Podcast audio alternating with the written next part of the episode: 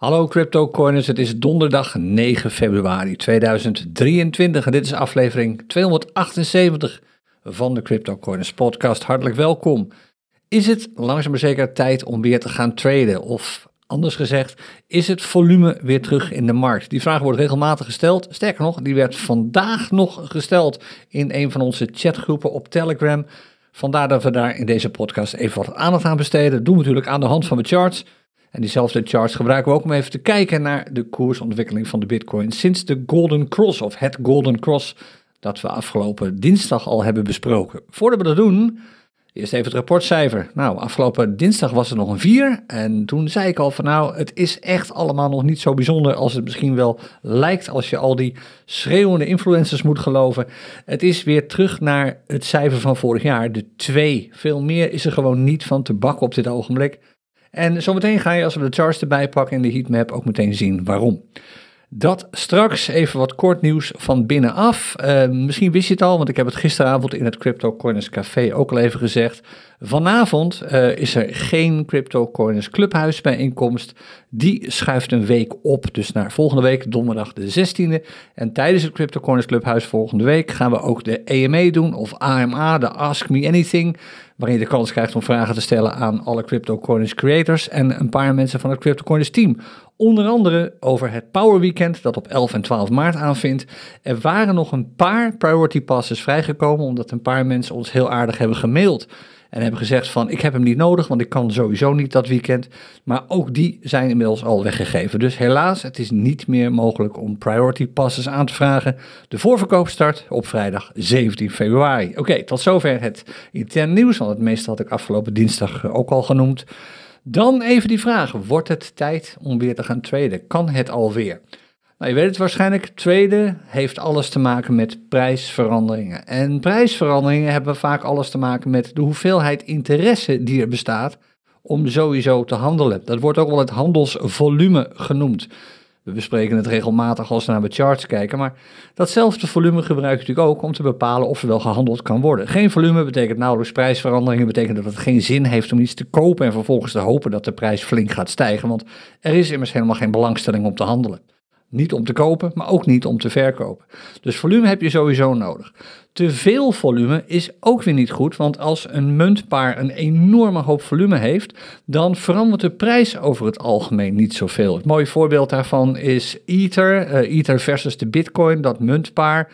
Als je probeert daar een flinke winst uit te halen met korte trades, met daytrades van intervallen van 1 tot 3, misschien 5 minuten, ja, daar haal je niet veel uit, want de commissie die je betaalt op een trade is vaak al groter dan de winst die je op een relatief korte termijn kunt maken.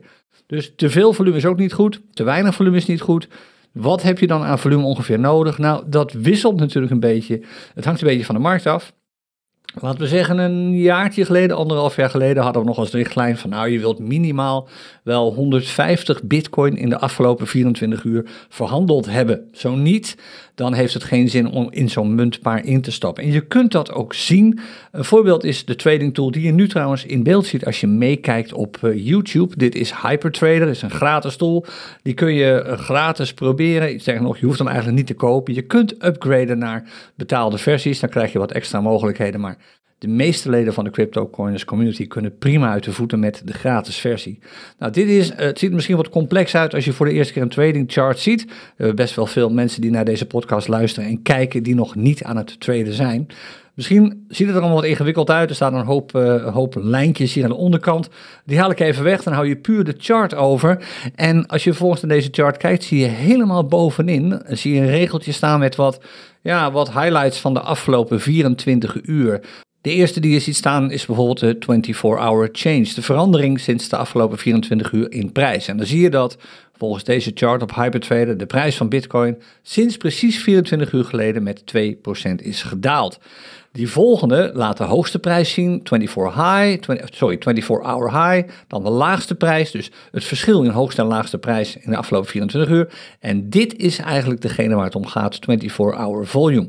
Dat is eentje waar je echt naar wilt kijken als je gaat traden. Is er wel genoeg volume in de markt? Nou, je ziet, er is de afgelopen 24 uur op Binance, want dit is een Binance chart, voor meer dan drie, voor bijna 4 miljard dollar aan Bitcoin verhandeld. Nou, leuk en aardig, maar de meeste van ons handelen niet zozeer met de dollar als basismunt, maar met de bitcoin. Hoeveel is er dan bijvoorbeeld gehandeld in het muntpaar Ether versus de bitcoin? Als we die er even bij pakken, dan zie je hier staan voor 500, uh, 5360, uh, 5360 bitcoin. 5,36k aan bitcoin. Dat is veel, absoluut. Het maakt deze, dit muntpaar tot een van de meest populaire muntparen om in te handelen. En dit is tegelijkertijd ook een muntpaar met een relatief lage volatiliteit. De prijs beweegt niet zoveel. Als je bijvoorbeeld even kijkt naar de laatste tijd, en ik zit nu vanaf ongeveer, dit was uh, vandaag, het is nu 9 februari Nu ik het opneem is het bijna 11 uur ochtends. De bovenkant zit op rond de, wat is het, 0,072. En de onderkant zit op ongeveer, nou laten we zeggen 0,0718 bitcoin.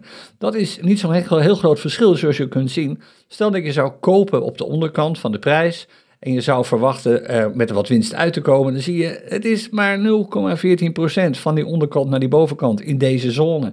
En dat is eigenlijk te weinig om te zeggen, ik haal hier een mooie winst uit, want de commissie die je betaalt, even los van het feit of je de cryptocurrency korting gebruikt of niet, is gemiddeld door de bank genomen tussen de 0,15 en 0,2 procent per trade.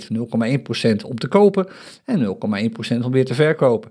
Kortom, de prijs zou moeten stijgen minimaal tot dit niveau als je meekijkt, of nog hoger om dit sowieso een zinvolle trade te laten zijn. Door de bank genomen is de volatiliteit niet heel erg groot op een paar pieken en dalen, een paar dipjes na, maar daar komen er eigenlijk te weinig van. En zelfs zo'n enorme daling die je hier ziet gebeuren, is evengoed nog maar 1%. Nou, er zijn veel grotere dalingen te vinden op andere charts. En dit is dus de chart met het grootste volume.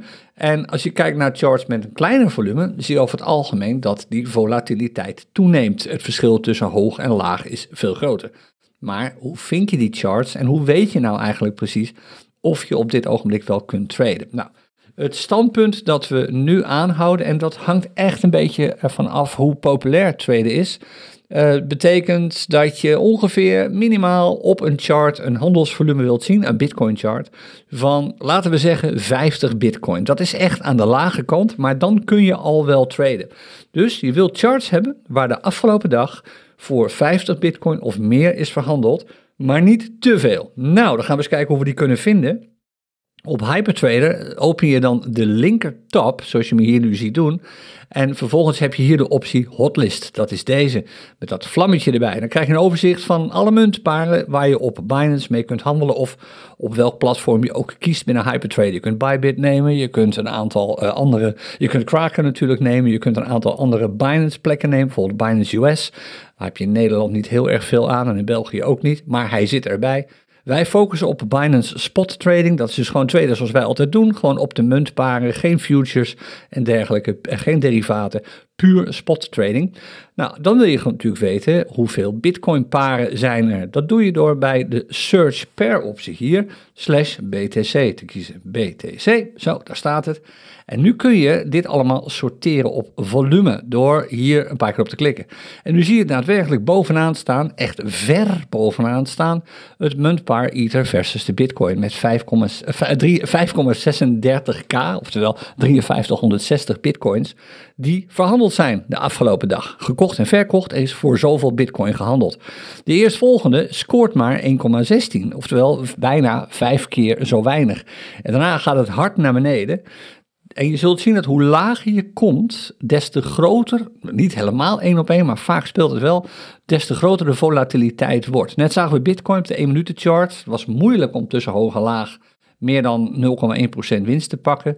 Nou, laten we bijvoorbeeld eens naar Doge kijken hier. Die zit op een, met een volume van 224 bitcoin. Hebben we hier die 1 minuten chart. Daar is hij. Het is wel een, zoals wij dat noemen, een zogenaamde barcode chart. Maar kijk naar het verschil tussen laag, dat zit op dit niveau, 387 sats.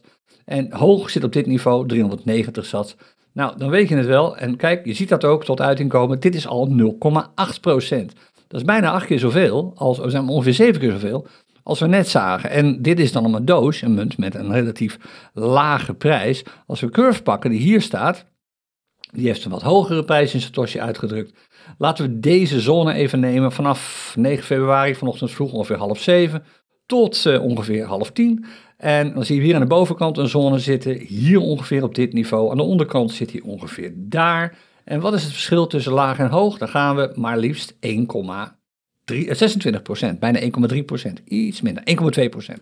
Oftewel alweer meer. Je ziet, hoe lager het volume wordt, des te groter de kans dat de volatiliteit stijgt, de bewegelijkheid van de prijs. Dat is bijna altijd zo.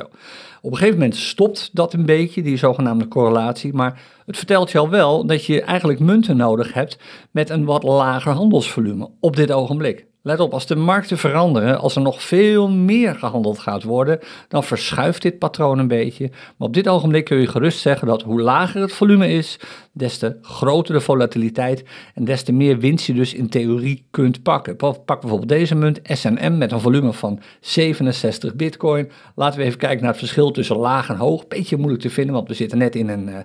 In een rally op dit ogenblik met nu een, een pullback. Maar hier heb je bijvoorbeeld zo'n zone vanaf uh, vanochtend, of vannacht eigenlijk, uh, middernacht tot, laten we zeggen, een uurtje of half vier vannacht. Heb je hier een zone aan de onderkant zitten, heb je hier een zone aan de bovenkant zitten.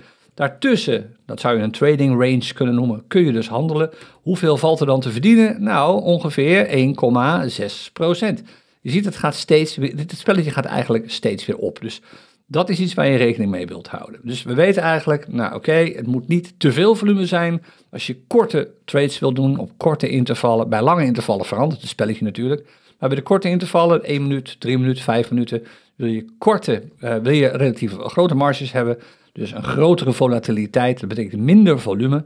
Hoeveel volume wil je minimaal hebben? Nou, minimaal zou ik zelf nooit gaan traden onder de 50 bitcoin de afgelopen 24 uur in het huidige marktklimaat. Als het allemaal weer lekkerder loopt, als er meer wordt gehandeld, schuif ik dat nog een stukje op. Dan wil ik niet traden onder de 100 bitcoin in de afgelopen 24 uur, of misschien zelfs onder de 150 bitcoin. Uh, het mooie is, en ik ga je straks even, ah, laat ik even laten zien, in de scanner kun je dat soort waarden ook instellen als je de CryptoCoiners scanner gebruikt. En je ziet, het is ook ingesteld in mijn versie van de CryptoCoiners scanner. Ik heb opgegeven dat het volume over de afgelopen 24 uur groter moet zijn dan 50 bitcoin. Als het minder is, krijg ik die melding gewoon niet te zien. En dit is meteen weer de reden dat veel mensen geen meldingen krijgen, want die hebben hun volume nog steeds staan op bijvoorbeeld 150 bitcoin. Nou, als je je volume op, oh, het moet bitcoin zijn natuurlijk. Als je je volume op groter dan 150 bitcoin zet, dan krijg je niet veel meldingen te zien. En als je, dat, uh, als je die situatie wil voorkomen, als je gewoon, of als je afvraagt hoe komt het dat ik geen meldingen krijg, kijk dan sowieso even of er wel genoeg volume, of je niet te veel volume hebt, dus niet een beperking van te veel volume. Daar wil je goed voor oppassen. Dus 50 is wat wij op dit ogenblik aanhouden. En als we daarnaar kijken en we sorteren, dan zie je op dit ogenblik, even een voorbeeld, ongeveer eh, begin januari, begin van dit jaar, hadden we de helft van het eerste scherm, als je dus naar beneden sorteert, hadden we al bereikt. Dan was ongeveer de munt die hier stond, zo in het midden, had een handelsvolume over de afgelopen 24 uur van 50 bitcoin. Oftewel, er was gewoon niet te handelen. Je zit echt de hele dag te zoeken naar instapmomenten, zeker op de kortere intervallen. En ook op de langere intervallen was er vaak niet veel te doen. Er werd gewoon niet gehandeld. Mensen vierden kerst en nieuwjaar, waren met andere dingen bezig, waren misschien wel verlamd door de enorme financiële crisis die op dat moment ook al heerste. Er gebeurde gewoon helemaal niks. Nou, toen veranderde dat langzaam maar zeker wat. En je ziet nu ook dat het aantal schermen, om het zo maar te zeggen, dat je af kunt voor muntparen met een handelsvolume groter dan 50 bitcoin veel meer is geworden. Kijk, dit is het eerste scherm, loopt tot en met Doge. Doge heeft een handelsvolume over de afgelopen 24 uur op dit ogenblik van 225 bitcoin. Bij jou kan er natuurlijk een ander getal staan, want nogmaals, dit is de momentopname van 11 uur vanochtend. Maar als we even doorscrollen na Doge, dat is zo gedaan, hebben we het volgende scherm te pakken, zitten we nog steeds met Chess als laatste op 117 bitcoin of meer over de afgelopen 24 uur. Dus dat is al twee schermen. Lopen we die ook nog even door, dan moeten we even zoeken waar Chess gebleven is. Uh, ik scroll misschien wat te snel, want ik zie hem natuurlijk nu zelf niet meer staan. Even kijken, hier was Doos, dat is de eerste. Dan gaan we naar Chess, dat is de tweede. En we scrollen nog even verder op en op, hij vinkt alweer weg. Ik weet niet waarom dat precies gebeurt. Het zal een, uh, vanwege de podcast wel een, uh, een soort Murphy's Law zijn, dat alles wat er fout kan gaan ook fout zal gaan. Hier is Chess, daarboven staat Filecoin, die kan ik beter in de gaten houden. Kijk, het springt weer, zie je dat? we zijn iets te hoog nu. Waar zit File? Hier zit hij, kijk. Chess, daar is hij. Zo. Dit is het derde scherm en we zitten nog steeds boven de 50 bitcoin. Zoals je ziet, STMX. We lopen nog wat verder door, STMX naar boven toe. Dat is ongeveer hier gebeurd. En nu zie je dat we na ongeveer 3,5 scherm we onder de 50 bitcoin beginnen te komen. Dus dit zijn eigenlijk muntparen die je hier aantreft, waar de volatiliteit best wel eens groot zou kunnen zijn, maar waar je waarschijnlijk niet in wilt gaan traden, omdat er zo weinig in wordt gehandeld, dat de kans groot is dat terwijl jij in de trade zit, de prijs niet meer beweegt. We hebben dat gisteren overigens gezien. In het Crypto Coiners Café heb ik gisteren een trade gedaan. Uh, volgens mij met Pivex, weet ik al niet eens meer zeker. Uh, die bewuste trade die uh, viel ook af en toe letterlijk in slaap. Er waren best wel candles te zien waar gewoon geen volume op zat. En dat wil je eigenlijk niet als trader, want als er geen volume is, dan verandert de prijs niet. En nogmaals, je hebt die prijsveranderingen nodig om een trade te kunnen doen. Om een winsttrade te kunnen maken, heb je prijsveranderingen erboven nodig bijvoorbeeld. Nou, een voorbeeld hier, als je kijkt naar deze munt, die heeft best een gezonde prijs. Maar het volume is super laag. En dat zie je ook terug in al die platte candles hier, waar gewoon echt helemaal niks lijkt te gebeuren. Maar als je naar de marges kijkt tussen laag en hoog, ja, die zijn prima in orde. 1,2, 1,3, 1,4 procent. Alleen laat je niet verleiden om hierop in te stappen als je met te veel wilt instappen, want er is gewoon te weinig handelsvolume. De kans op in slaap vallende munten, zoals wij dat af en toe noemen, is dan gewoon te groot. Maar het belangrijkste om te zien is het volgende. In januari viel er haast niet te handelen. Toen hadden we nogmaals misschien een half scherm aan muntparen, waarbij je meer handelsvolume had in bitcoin dan een stuk of 50. Dat liep langzaam maar zeker wat op en inmiddels zitten we alweer op een situatie van ongeveer 3,5 scherm. En dat maakt het relatief makkelijk om te traden. Dat wil niet zeggen dat het makkelijk maakt om winsttrades te sluiten, daar komen we zo meteen op terug. Dat is een heel ander verhaal. Maar er is genoeg volume, er is genoeg belangstelling, er zijn genoeg handelaren. Dus als je al een tijdje zit te wachten of het zinvol is om weer te gaan traden of niet, het antwoord is op basis van deze informatie als je Bitcoin als basismunt gebruikt, absoluut, ja, kun je zeker doen. En houd in je achterhoofd of je nou een scanner gebruikt of niet, dat je eigenlijk geen trades wil doen op munten met een te laag handelsvolume. Voor mij is 50 de grens. Het kan zijn dat het voor jou iets hoger is of iets lager. Maar dat is iets waar je natuurlijk wel op letten, wilt letten. Oké, tot zover. Dus wat mij betreft is die vraag, wordt het tijd om weer te gaan traden? Absoluut te beantwoorden met een volmondig ja, zeker. Heb je hier overigens vragen over, opmerkingen of suggesties?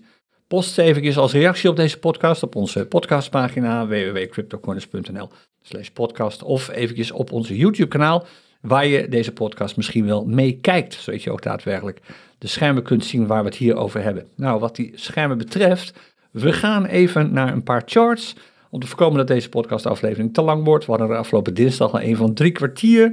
Gisteren hadden we een CryptoCoins Café bijeenkomst van ruim anderhalf uur. Ik kan me voorstellen dat je langs maar zeker alweer overbelast raakt door de enorme hoeveelheid content die weer op je afkomt deze week. Dus we proberen deze podcast even wat korter te houden. Afgelopen dinsdag, er is al iets verrassends aan de hand. Afgelopen dinsdag hadden we een Golden Cross. Misschien kun je je dat herinneren als je de podcast hebt gehoord. Dat was de situatie hier. Eigenlijk, de Golden Cross vond maandag plaats. Je ziet dat hier niet, maar als je hier, we gaan hem nu ook niet tekenen, kijk maar even terug naar de podcast van afgelopen dinsdag. Als je hier uh, keek, zag je dat de MA20, oh sorry, de MA50 en de MA200 elkaar hebben gekruist. En dat is een sterk bullish signaal. Het betekent dat de prijs op termijn flink zal of zou kunnen gaan stijgen. In het verleden gebeurt dat eigenlijk bijna altijd. Gisteren kwam er in het café aan het vragen van iemand die zei van oké, uh, waar blijft de prijsstijging? Want dat moet dan toch nu gebeuren. Nee, dat kan zomaar een tijdje duren. We hebben in het verleden wel eens een Golden Cross gezien, waarna er vervolgens twee maanden niks gebeurde en daarna ging de prijs als een gek omhoog. We hebben ook meegemaakt dat nog geen twee maanden na zo'n Golden Cross de prijs een all-time high heeft bereikt. De vuistregel is het volgende. In verreweg de meeste gevallen, ik denk zo'n procent of 90, heeft een Golden Cross signaal daadwerkelijk tot gevolg dat de prijs omhoog kan schieten binnen verloop, na verloop van tijd. Tussen de twee en vier maanden. Dat gebeurt dus niet altijd, maar bijna altijd wel. Dus houd dat goed in de gaten. Dat Golden Cross heeft plaatsgevonden, dat wil niet zeggen dat er meteen wat gebeurt. En dat blijkt ook nu. Twee dagen geleden, afgelopen dinsdag, hadden we te maken met een bullish dagchart. Dat zie je hier al min of meer als je de prijzen ziet. Steeds hogere pieken en hogere dalen. De afgelopen twee dagen, eigenlijk sinds afgelopen dinsdag, is er iets raars gebeurd. Allereerst, afgelopen maandag hadden we een trough. En we zeiden dinsdag al, dit is waarschijnlijk ook daadwerkelijk de nieuwe trough, het nieuwe dal. Die lage prijs van 22.643 dollar. Dat bleek ook te zijn, zo te zijn, want dinsdag is de prijs daar niet onder gekomen. Gingen we dus op weg naar een nieuwe piek. Oftewel, het dal van maandag was het nieuwe dal. Op weg naar een nieuwe piek dinsdag. Die piek lijken we gisteren al te hebben bereikt. Namelijk gisteren was de nieuwe piek, hoger is de prijs sindsdien niet meer gekomen, 23.439. Als de prijs daar vandaag niet boven komt, dan is deze chart bearish. Dus het is nog even afwachten. Op dit ogenblik is deze chart bearish. Zelfs hoewel deze candle, de candle van vandaag, nog niet klaar is, hebben we nu al te maken met een lager dal, namelijk het dal van afgelopen maandag is lager dan het dal wat ervoor zat. En we hebben te maken met een, sorry, dat is niet helemaal waar. Het dal wat we hier zien, het dal van uh, eh, 9 februari van vandaag, dat is lager dan het dal wat ervoor zat, het dal van afgelopen maandag. En misschien ook alweer een lagere piek, namelijk de piek van afgelopen woensdag. Dus ik zie deze chart nu al als bearish, maar het kan zijn dat ik daar volgende week op terugkom en zeg, nou, we hebben toch geluk gehad. De prijs is vandaag gelukkig nog even uitgeschoten boven die piek van 8 februari, boven die piek van gisteren. Dus boven de 23.439. Maar eerlijk is eerlijk, dan moet er wel wat gebeuren, want dan zitten we nu alweer ruim 700 dollar onder. En de markt reageert op dit ogenblik opnieuw over uh, op de, ja, eigenlijk de aankondigingen en de geruchten van aankondigingen van de Amerikaanse centrale bank. Ook daar pakken we zo nog eventjes wat over op, want uit alles blijkt dat beleggers gewoon niet meer weten waar ze het moeten zoeken. En er hoeft maar iets raars te gebeuren en alles reageert panisch. En dit is misschien wel een gevolg, een beetje verdoordenkend, de dalingen en het sentiment dat we nu zien van uh, uh, ChatGPT, de chatbot, waar we van de week op Twitter nog even een vraag aan jullie over stelden. En waarom dat zo is, dat ga ik je zo meteen vertellen. Dus de dagchart van Bitcoin is in principe nu bearish. En hop, dan gaat een punt van het rapportcijfer af dat nog een 4 was. Maar daar stopt het niet mee. Het wordt nog wat vervelender als we zo meteen de heatmap erbij pakken. Nou, verder die dagchart. We zeiden al afgelopen dinsdag, oh jee, kijk eens even naar het unbalanced volume. Dat heeft een voorspellende waarde. Het is een zogenaamde leading indicator. Hij loopt vaak wat op de, op de prijs vooruit. Of op de, op de trend vooruit, op de tijd vooruit eigenlijk. Die was bearish en dat was eigenlijk het eerste signaal dat we echt zaken, zagen dat de zaak bearish was. Die is bearish geworden, ja, dan weet je het eigenlijk wel. Waarschijnlijk wordt de rest dan ook bearish. Nou, dat lijkt inmiddels te gebeuren. Uh, de parabolic and reverse, die overigens uitstaat bij mij, ik zal hem even aanzetten, zo daar is hij weer. Die is inmiddels ook bearish geworden. Nou heeft dat eigenlijk niet veel te betekenen. Want, en dat zei ik ook afgelopen dinsdag al, bij een min of meer gelijkblijvende prijs, let op, prijs en trend zijn twee verschillende dingen bij een gelijkblijvende prijs doet die PSR niet zoveel. Dat zegt niks eigenlijk. Op dit ogenblik dat dat ding omspringt, dat is ook al een aantal keer gebeurd. Sinds, af, sinds vrijdag de 27e gingen we naar bullish, toen twee dagen later naar bearish, een dag later weer naar bullish, drie dagen later weer naar bearish en nu weer naar bullish. Dat is eigenlijk te snel, vooral als je ziet dat sinds de laatste keer dat we van, bullish naar, van bearish naar bullish gingen, er niks is gebeurd met de prijs. Dus deze PSR-indicator kun je nu eigenlijk niet, niet serieus nemen. Vandaar dat ik hem ook had uitgezet. Je hebt er nu relatief weinig aan, maar ook die is nu bearish geworden. Nou, de Keltner Channels, dat waren ze al trouwens afgelopen dinsdag. De prijs zit niet meer boven de bovenste band. Als je goed kijkt, zie je die banden nu ook min of meer, dat zijn die blauwe banden als je meekijkt, min of meer gelijk lopen. Die lopen nu horizontaal. Dus de rek is er een beetje uit op dit ogenblik. Er is geen sprake meer van. Die middelste band is trouwens een EMA20, een exponentieel voortschrijdend gemiddelde uh, van de laatste 20 intervallen. Die uh, wordt nu min of meer stabiel. Dat geeft ook al aan, de prijs beweegt eigenlijk niet meer zoveel.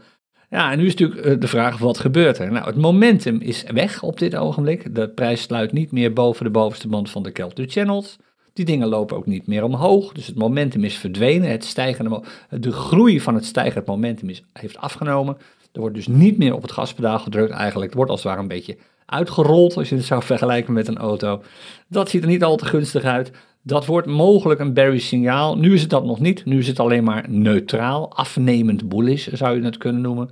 De trend is eigenlijk omgekiept naar bearish. Ja, dat is heel jammer, want je wilt eigenlijk gewoon structureel stijgende prijzen zien hier natuurlijk om die weekchart, die er nu nog goed uitziet, goed te houden. Het heeft geen zin om nu naar die weekchart te kijken, want die weekchart verandert pas aanstaande maandag weer, als we hem sowieso oppakken, of dinsdag dan in de podcast. Hij was bullish afgelopen week, en de hopen is natuurlijk dat hij zo blijft.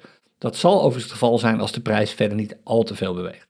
Het rare is, als je terugkijkt naar de ontwikkelingen over de laatste tijd, is dat we opnieuw weer en nog steeds weer in die zone zitten tussen, of eigenlijk onder de 23.000 en boven de 22.000. En sowieso boven de 16.000, wat een hele sterke support is. En hier zit een hele mooie trading range.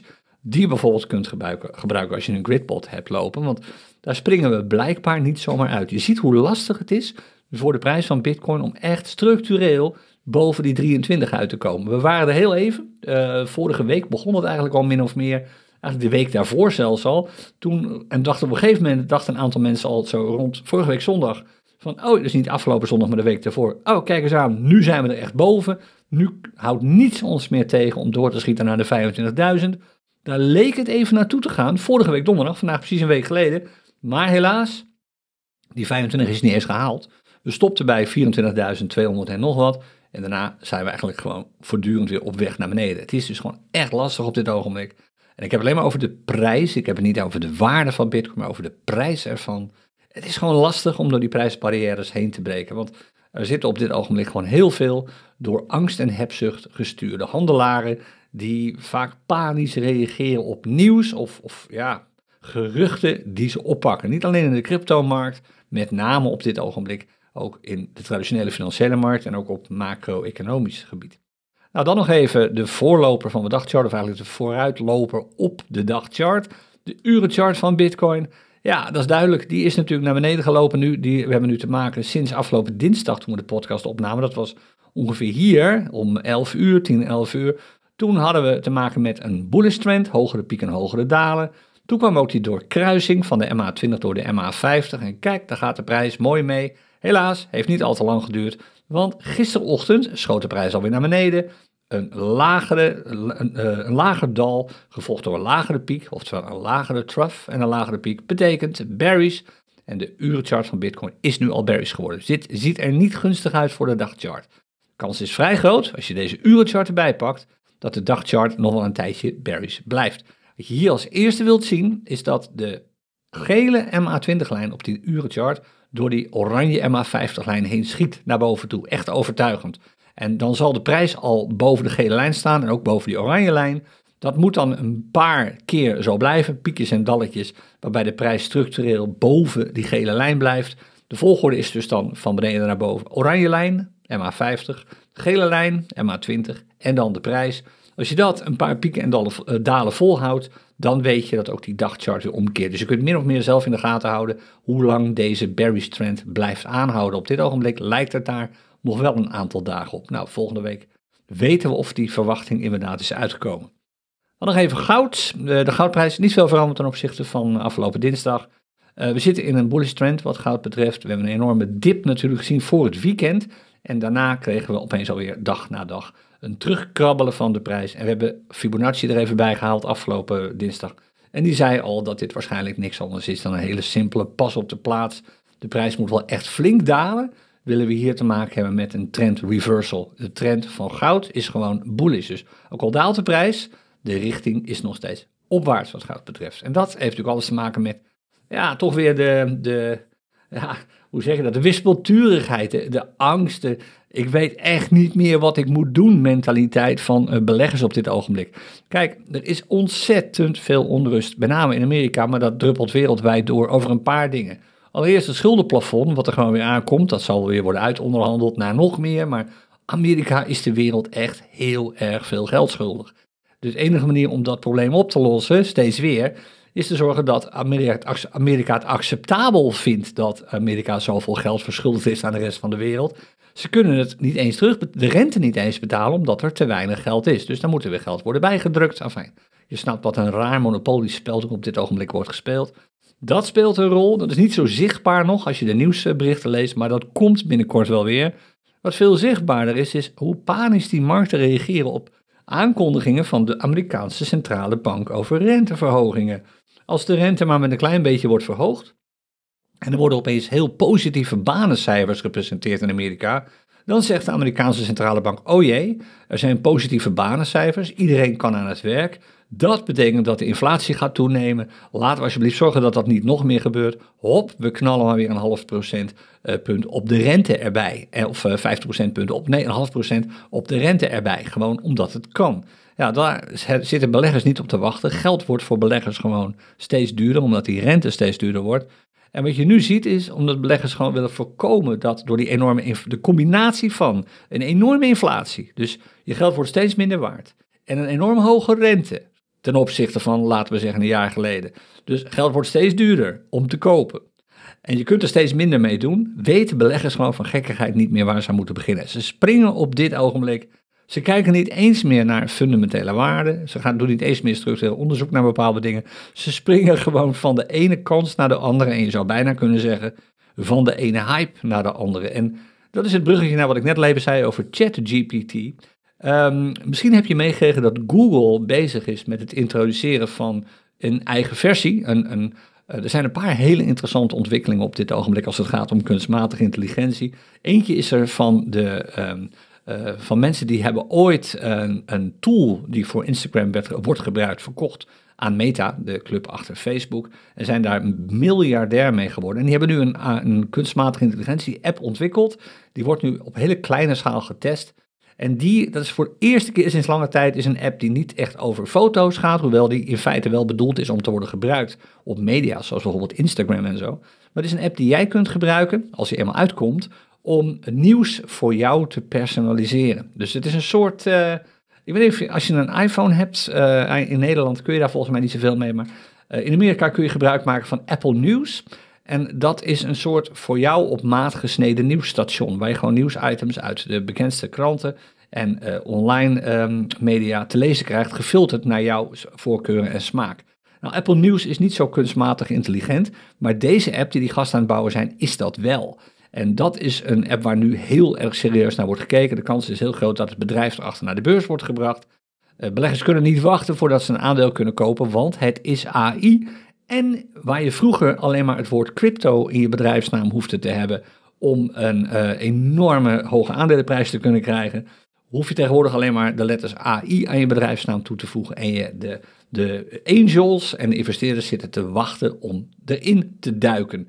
En het schrijnende voorbeeld van hoe mis dat kan gaan is gisteren door Google gegeven. Eh, volgens mij was dat gisteren.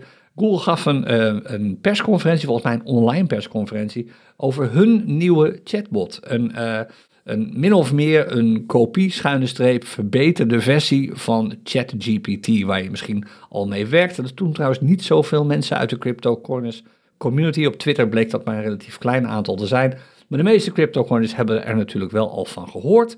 Nou, deze concurrent die door Google is gemaakt, die werd, gemaakt, die werd, um, die werd ondervraagd. En ik geloof dat een vraag die werd gesteld was over iets over ruimtetelescopen. Namelijk, wanneer werd de eerste foto gemaakt van een of ander object in de ruimte? En uh, dat, um, die, die chatbot van Google, die begon vrolijk, zoals dat in AI-kringen uh, wordt genoemd, te hallucineren. En die verzon gewoon wat. Met een volste overtuiging vertelde dat ding dat die eerste ruimtefoto toen en toen werd gemaakt. Dat bleek 15 jaar te zijn nadat de echte eerste ruimtefoto werd gemaakt. Kortom, het ding had het gewoon mis, maar vertelde het alsof het absoluut waar was, hallucineerde dus gewoon, zo wordt dat echt genoemd. En natuurlijk zien we dat bij ChatGPT wel vaker. Dat ding kan ze echt de, mooiste dingen verzinnen, waardoor op dit ogenblik ChatGPT eigenlijk alleen maar heel waardevol is als je snapt waar het onderwerp echt over gaat. Zomaar klakkeloos kopiëren van ChatGPT-teksten ja, is eigenlijk vaak wachten op problemen, omdat gewoon het ding onwaarheden vertelt.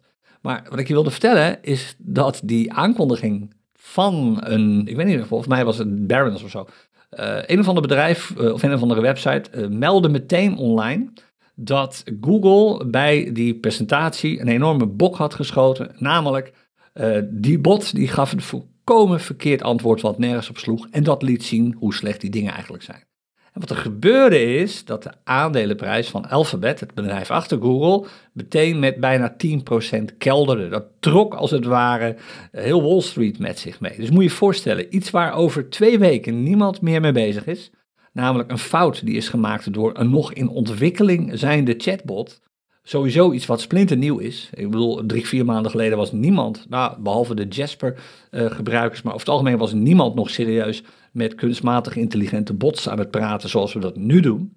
Nou, die kleine fout, best wel een grote fout, maar een relatief klein iets, namelijk een stuk software dat in beta is, dat een fout antwoord geeft, hallo, waar gaat dit over, levert een daling op van de aandelenprijs van 10%. Iets wat over twee weken niet meer relevant is. Maar alles wordt vervolgens meegetrokken. En dat laat naar mijn mening zien dat beleggers het gewoon echt niet meer weten. Ze kijken niet meer naar fundamentele waarden. Ze proberen gewoon te hoppen van de ene mogelijkheid om hun koopkracht te bewaren naar de andere. En dat druppelt natuurlijk helaas door in de cryptomarkt. Dat zien we voortdurend gebeuren. Als je kijkt naar de prijsontwikkeling van crypto en bitcoin. En nog even afsluitend wat die prijsontwikkeling betreft. Dit is de heatmap en je ziet het al, het ding is rood. Daar gaat weer een punt van het crypto-rapportcijfer. We hadden een 4, het werd een 3 door de dagkoers van bitcoin, of eigenlijk de dagtrend. En inmiddels is het een 2, want dit ziet er niet positief uit. En dat zie je ook nog eens een keer terug als je de barometer erbij pakt van de CryptoCoins scanner. Die was gisteren nog, het ging nog wel, eergisteren tijdens de podcast sowieso. Gisteren tijdens het café werd het al wat minder positief. En op dit ogenblik is het natuurlijk niet echt heel gunstig. De dagbarometer 0,5% in de min. De urenbarometer maar 0,1% in de plus. Dat is alweer beter dan het er een uurtje geleden voor stond. Het herstelt zich natuurlijk allemaal alweer een beetje.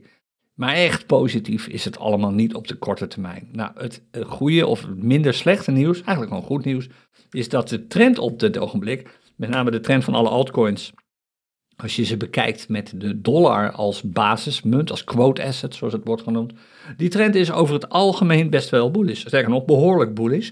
Met name de wat grotere charts, de charts die wat langer duren, die zijn over het algemeen best wel vaak bullish. De kleinere charts zijn dat niet. Kijk, de Barry's munten zijn best wel Barry's. Kijk, de nummer 10 op de lijst van Barry's munten, 75,7%. Dat is heftig. Je komt ook regelmatig, als je natuurlijk trades doet met bijvoorbeeld de USDT als quote asset, als basismunt, veel Barry's charts tegen. Ook wel best veel bullish, maar regelmatig, dus houd dat goed in de gaten. Nou, de trend voor de Bitcoin-markten ziet er ook niet zo slecht uit, want ten opzichte van Bitcoin zijn op dit ogenblik de meeste munten in een positieve trend verwikkeld. Dus Bitcoin charts, de trend, met name ook op de wat langere intervallen, beginnen langzaam maar zeker weer wat positiever te worden. Kijk, 42% gemiddeld gezien bullish. Er is zelfs alweer een 100% bullish chart bij je, zoals je ziet, enker. Maar het is nogmaals oppassen geblazen, want je ziet inmiddels, en dat, dat hebben een aantal mensen gisteren weer meegemaakt, uh, toen ze aan het daytraden waren, je kunt zomaar worden verrast door opeens die, die snelle omkeer van prijzen los van de trend. En dan moet je gewoon sterk in je schoenen staan, zeker weten dat je die stop losplaatst, of zeker weten dat je tijd genoeg hebt om te gaan yo-yo traden en er toch nog uit te komen, uh, om te voorkomen dat het helemaal verkeerd gaat. Oké, dat even wat dit verhaal betreft. We hebben het uh, volgens mij wel gehad. Dat was hem wat de podcast van vandaag betreft. Ik ben er sowieso aanstaande zaterdag weer voor de deelnemers aan onze technische analyseclinic. Daar kun je je niet voor inschrijven, overigens op dit ogenblik. Hij is vol, hij is niet echt vol, maar de inschrijving is gesloten. Uh, maar als je je hebt ingeschreven, we doen de tweede sessie dus. Aanstaande zaterdag beginnen we om half elf. En ik spreek jou waarschijnlijk volgende week weer aanstaande dinsdag bij een nieuwe aflevering van onze Crypto Corners podcast. Tot dan, happy trading, kijk goed uit met die prijsontwikkeling natuurlijk. En alvast een prettig weekend. Dag.